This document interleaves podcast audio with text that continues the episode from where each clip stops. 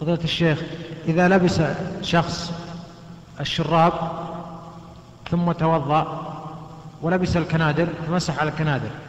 كيف لبس الشراب؟ قبل أن يتوضأ؟ لا بعد الوضوء. لبس الشراب ثم توضأ. بعد الوضوء. لبس إذا الشراب توضأ ثم لبس الشراب. ثم لبس الشراب آه. والكنادر. فمسح على الكنادر. لما أتت الصلاة خلع الكنادر. هل ينقض الوضوء ولا لا. الوضوء لا ينتقض.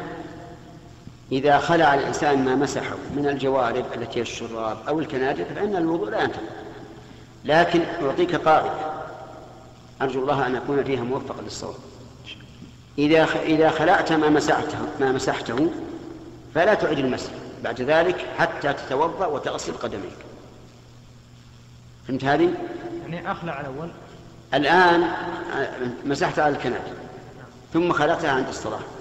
إذا أت... إذا أردت توضأ مرة ثانية لازم تخلع الشراب لأن القاعدة الآن اجعلوها أمامك إذا خلع الإنسان ما مسحه من الجوارح أو الكنادر إيش؟